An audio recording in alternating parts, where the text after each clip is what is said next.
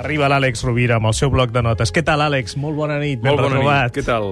En el teu últim llibre hi tens un apunt extret al teu bloc de notes de Kierkegaard, de Soren Kierkegaard, que diu la vida només pot ser compresa mirant enrere, però ha de ser viscuda mirant endavant. Correcte.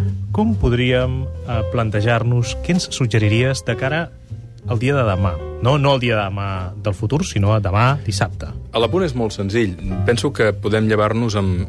Si poguéssim verbalitzar les actituds amb les quals eh, ens, ens llevem, penso que hi ha dos tipus de, de maneres de posar el peu a terra a primera del matí, no? Pensant a veure quin dia tinc, això implicaria ser un espectador passiu d'allò que ens passarà, o a veure quin dia sóc capaç de crear.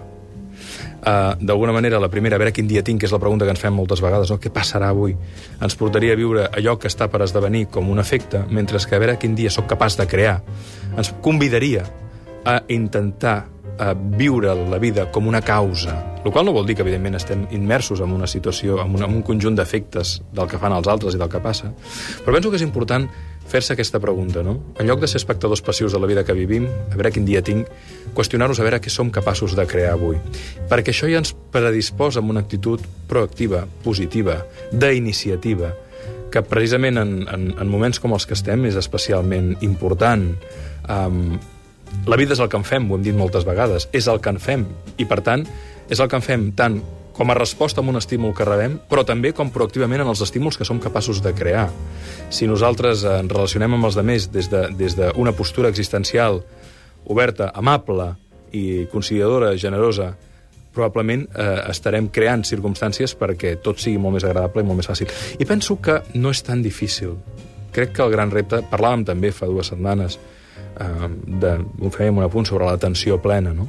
Eh, una de les expressions de l'atenció plena és precisament tenir aquesta actitud de procurar ser creadors de petits moments però continus de consciència, de bellesa, d'amor, de generositat, no?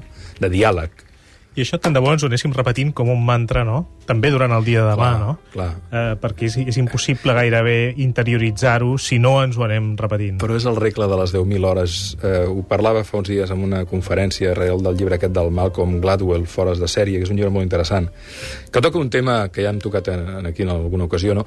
És a dir, si tu vols integrar una habilitat, quants anys necessites per dominar un instrument amb una solvència? 10 anys de pràctica entre 2 i 4, 5, 6 hores al dia, 7 de vegades, depèn del, del moment en què estiguis, no?